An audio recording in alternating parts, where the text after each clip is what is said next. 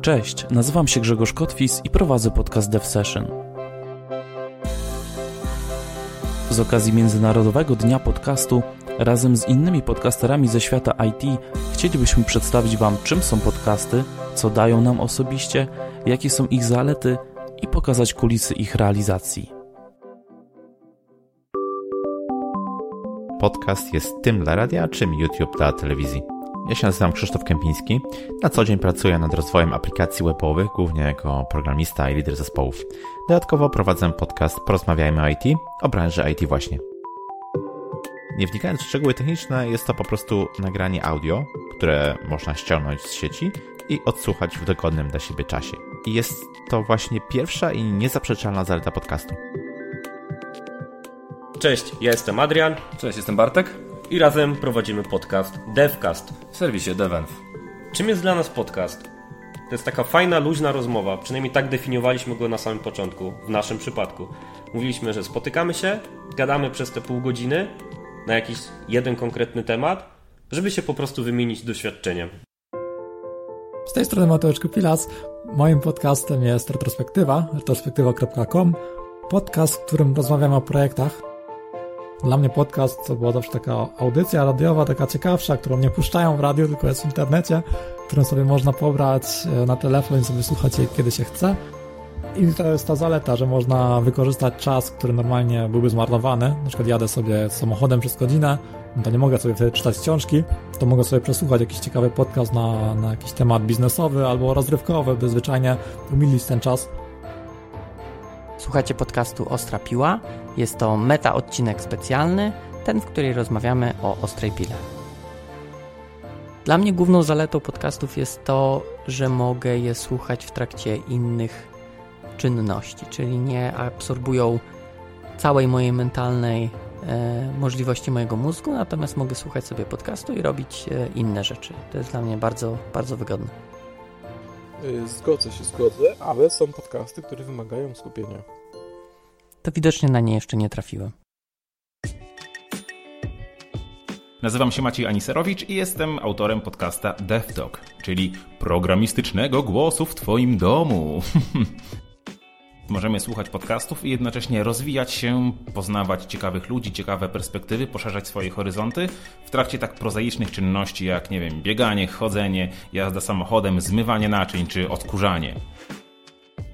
Z prowadzeniem podcastu mam prawie same miłe wspomnienia. Najmilsze są te wspomnienia, gdy na jakiejś konferencji czy przy okazji innego zlotu programistycznego podchodzili do mnie ludzie, dziękowali za DevTalk, mówili, że słuchają go bardzo regularnie, czekają na kolejne odcinki. To jest taka najbardziej miła rzecz, e, zostać po prostu poklepanym po ramieniu, usłyszeć dobra robota, e, leć, leć z tym dalej. Bardzo miłe i za to wszystkim dziękuję. Jak zaczynaliśmy pierwszy odcinek, zachęcamy Was do zobaczenia, jaka jest różnica pomiędzy tym, jak zaczynaliśmy, jak jest teraz.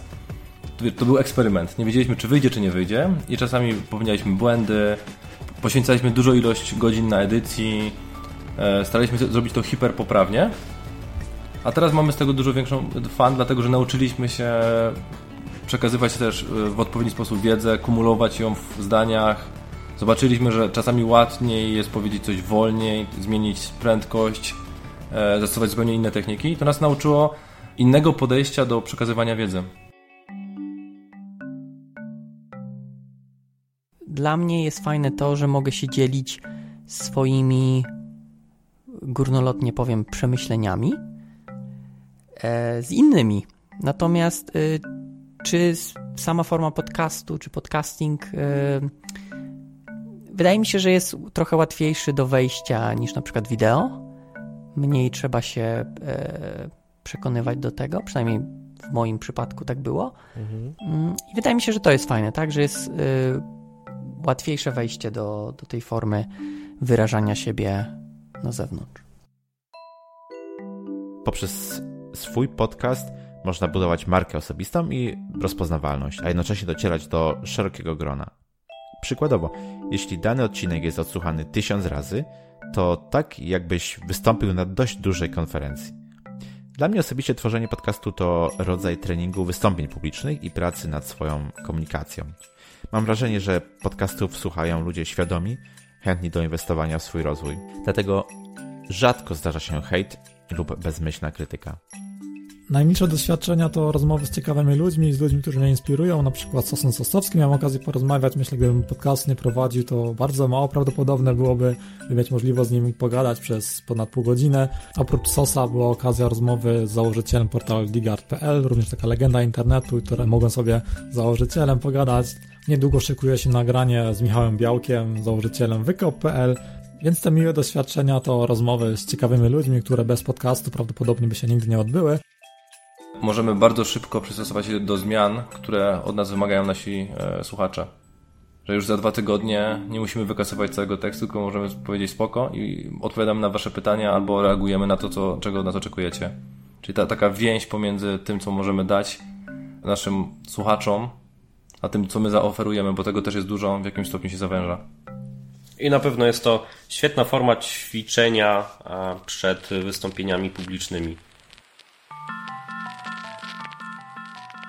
Pierwsze dwa czy trzy odcinki wiązały się dla mnie z ogromnym stresem, więc to było dla mnie duże przeżycie i tu w sumie z niejako, trochę może ze wstydem, trochę może i nie, musiałem się posiłkować jakąś tam pięćdziesiąteczką whisky, żeby ten stres i to gardło trochę rozluźnić.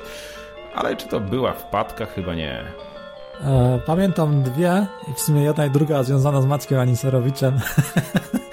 Pierwsza wpadka była taka, gdy Maciek zaprosił mnie do swojego podcastu, e, przygotował mi listę pytań, czego się mniej więcej przygotować, czego się spodziewać, ale nie spodziewałem się, że w pierwszym pytaniu poprosi mnie o to, bym się przedstawił. I w ogóle nie przygotowałem się do tego, jak mam się przedstawić i w ogóle się na tym pytaniu zaciąłem i zaczynaliśmy w końcu nagrywanie od nowa, bo tak konkretnie spieprzyłem tą odpowiedź. A druga wpadka znowu związana z Maćkiem, kiedy zaprosiłem Maćka do mojego podcastu, to w nagraniu pojawiło się straszne echo.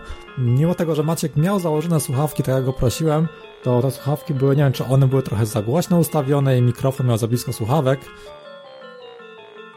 To jak jeszcze streamowaliśmy nasze nagrania na YouTubie i Jarek, e, chyba ty napisałeś na Facebooku, tak, że będziemy streamować, nie na Facebooku, na Wykopie, że będziemy streamować i mieliśmy e, na czacie wysyp pato komentarzy podczas naszego streama, który e, no, nie dotyczył tematu, tematyki e, komentarzy. Natomiast myślę, że e, chyba szybko się znudzili, tak? Ja przykładowo kiedyś po nagraniu usunąłem bezpowrotnie swoją część nagrania. Na szczęście mówiłem znacznie mniej niż gość i mogłem to dograć później, ale no takie rzeczy się zdarzają.